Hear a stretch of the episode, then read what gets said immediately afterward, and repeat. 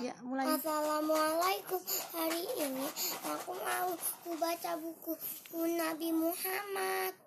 Hmm, bukunya apa namanya? Bukunya ah, ini nih. Ih, The Great Prophet Muhammad. Nah, Ya, eh, judulnya apa tulisannya? Ini, ini. Dibaca coba. para para pem, pemenjaga jaga, kota Asunci. Nah, para penjaga kota suci. Suci. Kota sucinya itu kota apa sih? Suci. Kota apa yang kota suci? Kota yang ada Ka'bahnya itu kota apa? Kota Mak Mekah. Nah, tempat Nabi Muhammad. Iya. Kita mulai ya. Pada mulanya Nabi Ismail alaihissalam menjadi pemimpin kota Mekah dan merawat Ka'bah sampai akhir hayatnya. Selanjutnya, tugas tersebut dilaksanakan oleh Nabid dan Qaidar. Siapa Nabid dan Qaidar? Apa? Putra putra Ismail, anaknya Nabi Ismail. Setelah Nabi dan Qaidar tiada atau meninggal, penduduk asli Mekah yang bernama kaum Jurhum kemudian menjadi penguasa di kota tersebut. Sayangnya, kaum Jurhum ternyata tidak dapat menjaga kesucian Mekah.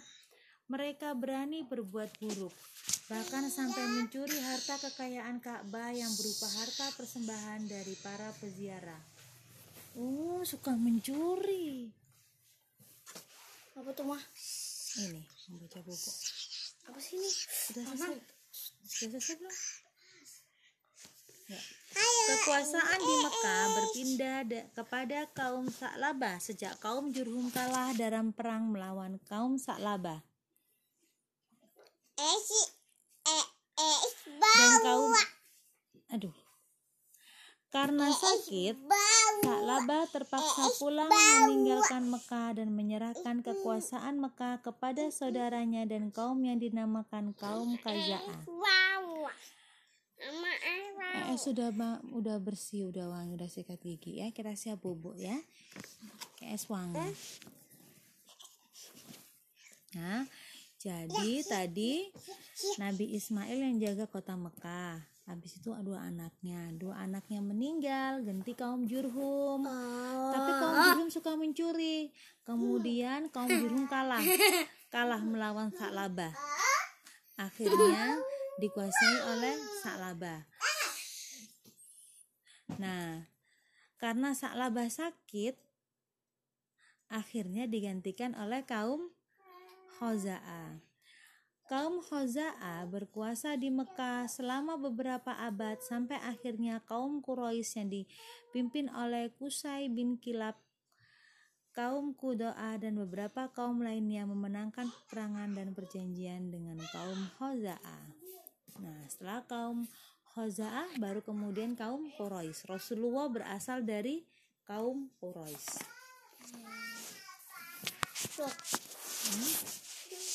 Nah, dulu di Ka'bah tidak ada berhala. Karena Nabi Ibrahim dan Nabi Ismail mengajarkan kita hanya menyembah kepada Allah. Allah. Terus kenapa pada saat Nabi Muhammad lahir ada banyak berhala di Mekah? Di Ka'bah kenapa banyak berhala? Kenapa orang-orang jadi menyembah berhala? Nah, gini ceritanya. Berhala pertama di Mekah. Bani Khaza'ah yang berkuasa atas Ka'bah merupakan kaum pertama yang menyembah berhala di Hijaz. Hijaz itu daerah sebelah barat laut Saudi Arabia, tempat kota Mekah, Madinah, dan Jeddah berada. Nah, ingat ya tadi ya. Nggak apa-apa, bareng-bareng bacanya, ayo. Sini, sini. Tanggul. Sini, tangguh di sebelah sini deh. Tangguh sebelah sini bisa. Ya apa-apa. Sini ya. Ya. Terus jadi tadi Bani Khoza'ah sebelum suku Quraisy menang tadi, ya. Itu adalah orang yang apa Bani yang pertama kali membawa berhala ke Mekah. Penyembahan berhala tersebut diawali oleh pemimpin Bani Khuza'ah yang bernama Amru bin Luhai.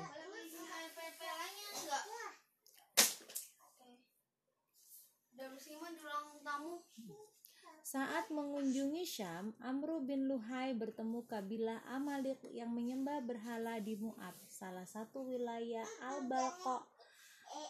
Kabilah tersebut mengatakan kepadanya bahwa berhala-berhala mereka dapat memberikan pertolongan dan mendatangkan hujan.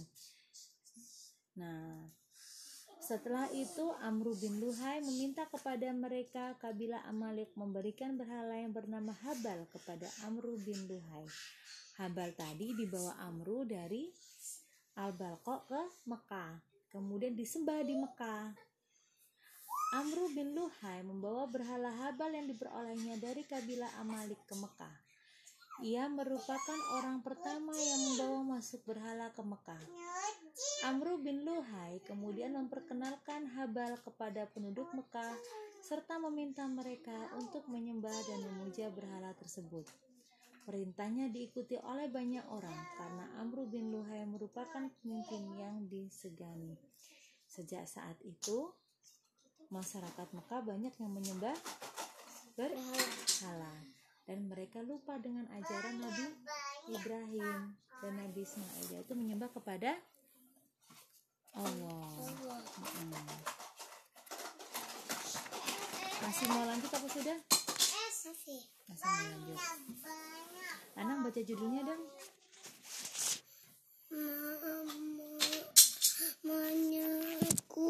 Menyekutukan Allah SWT itu subhanahu wa ta'ala. Subhanahu wa ta'ala. Hmm, dan dengan dengan an berhala dan dan mak mak luk dua luknya. nya menyekutukan Allah subhanahu wa ta'ala dengan berhala dan makhluknya. Jadi mereka menyekutukan Allah artinya menyembah selain Allah. Mereka menggantinya dengan berhala dan makhluk-makhluknya Allah yang lain. Ya lanjutkan nama ya. Sebelum Rasulullah Alaihi Wasallam iya disembah-sembah sebelum Rasulullah Shallallahu Alaihi orang Wasallam menegakkan agama tauhid masyarakat Arab menyekutukan Allah Subhanahu Wa Taala. Kenapa? Orang kafir. Iya mereka menyembah pada berhala. Nah,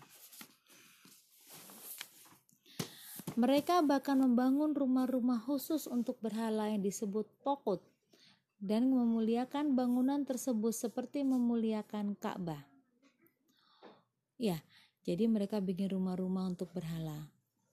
Tokut untuk berhala-berhala yang disebutkan dalam surat An-Najm ayat 19 sampai 20 yaitu nama berhalanya apa? Ada Lata, Uzza, dan Manah merupakan tokut yang terkenal. Tokut Lata di Taif adalah milik kabilah Thaqib dan dikelola oleh Bani Mu'tab. Tokut Uzza dimiliki kaum Quraisy dan Kinana terletak di Nahla dan diurus oleh Bani Syaiban. Tokut Amanah Tokut Manah yang menjadi berhala kaum Aus dan Khazraj berada di daerah Musyalal Qadid. Ya, jadi ada ada bendera apa ada berhala-berhala yang besar dan ada beberapa berhala-berhala yang lain. Yang besar yang terkenal itu adalah Ta, Uzza dan Mana.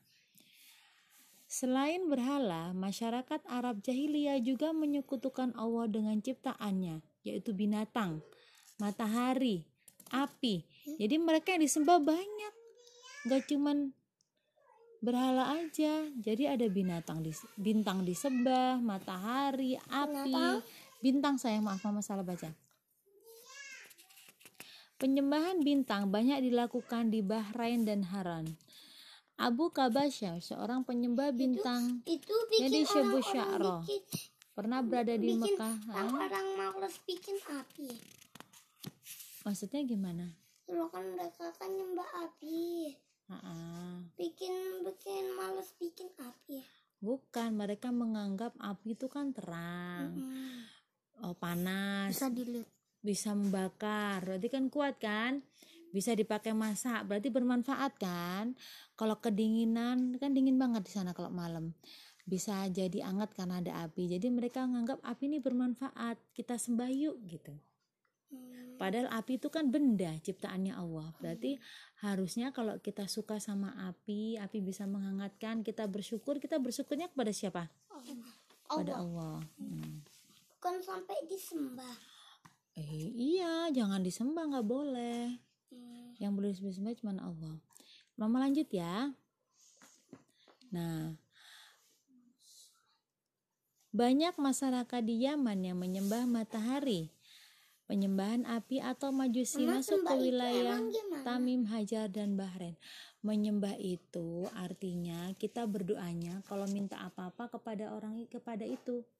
Kalau lanang menyembah Allah, kalau lanang berdoa mintanya pada siapa? Allah Allah. Lanang pengen buku mintanya pada siapa? Allah Allah. Lanang pengen es krim mintanya sama siapa? Allah Nah, seperti itu. kalau mereka cuman berhala Mereka mintanya ke berhala, minta hujan ke berhala. Minta tolong ke berhala. Soalnya mereka nggak lihat Allah ya Karena mereka lupa dengan ajaran Nabi Ibrahim. Hmm. Allah kan memang nggak bisa dilihat, ya kan? Hmm. Nah, mereka lupa dengan ajaran Nabi Ibrahim. Kemudian mereka menyembah Berhala. Masih. Enggak, enggak dimatiin.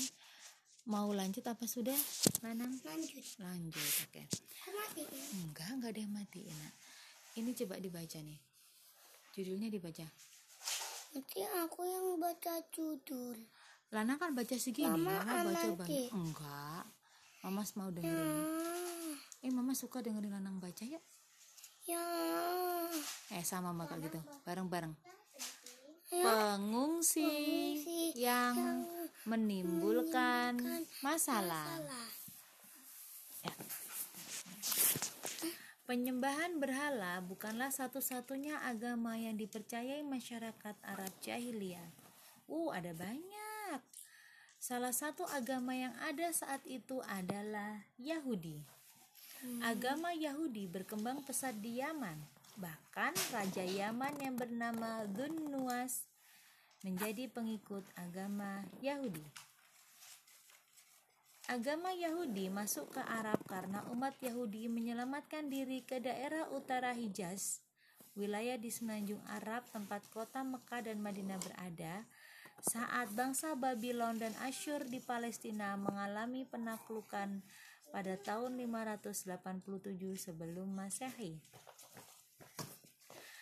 Selain itu, penjajahan terhadap Palestina yang dilakukan oleh Kekaisaran Romawi pada tahun 70 Masehi membuat umat Yahudi mengungsi ke Hijaz, tepatnya di daerah Yasrib, Khaybar, dan Taima. Yasrib ini di Madinah. Jadi, orang Yahudi tadi aslinya dari daerah utara. Tapi karena diserang, akhirnya mereka mengungsi pergi ke daerah selatan, yaitu ke kota Yasrib, Khaybar, dan Taima. Yasrib itu Madinah. Nanti kan Nabi Muhammad ke Madinah kan hijrahnya ya. Nah, keberadaan umat Yahudi di Arab menyebabkan berbagai masalah. Umat Yahudi menyebabkan para pedagang dan pembeli mengalami kerugian karena mereka memonopoli perdagangan. Mereka juga menyebabkan perpecahan dan peperangan antara Aus dan Khosrow. Nah, Aus dan Khosrow ini nanti dua suku yang nanti akan meminta Nabi Muhammad datang ke Madinah. Kalau ketika Nabi Muhammad jadi nabi. Jadi kita cerita sebelum Nabi Muhammad jadi nabi ini ceritanya. Kenapa? Oh, adek udah adek ngantuk. Ya. Mama, mama selesaikan sebentar lagi, dikit lagi selesai, Dek. Ya. Oke, oke. Kan Ah. ada lagi Sama saat Oke. Nanti nanti sambil bubukan adik ya, mau bacain ya. Saat Rasulullah SAW hijrah ke Madinah, umat Yahudi di kota itu selalu memusuhi dan berbuat jahat kepada beliau. Kita sudahi dulu, nanti kita nyalain lagi. Ada lagi, ya? Yuk, bilang yuk. Sudah dulu ya. Gitu. Saya selesai buku ini. Enggak, nanti masih ada nanti lagi ya. Aku Bersambung ya, nanti kita lanjutkan lagi selanjutnya. Sebentar, dadah. Oh, ini. Kita bukan usus. Usus suap. Ayo shadow. Lima puluh. Lima. Habis. Hmm. Hmm.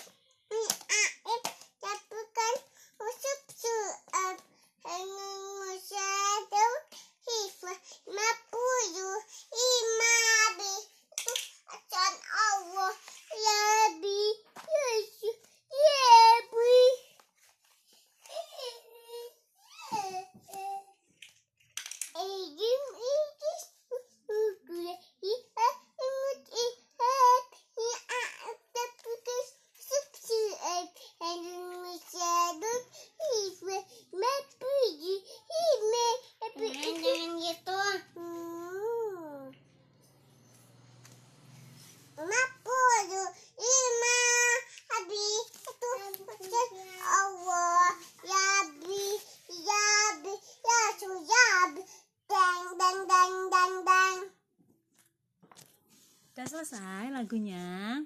Mm-mm. Oke, tepuk tangan buat ES. Yeay.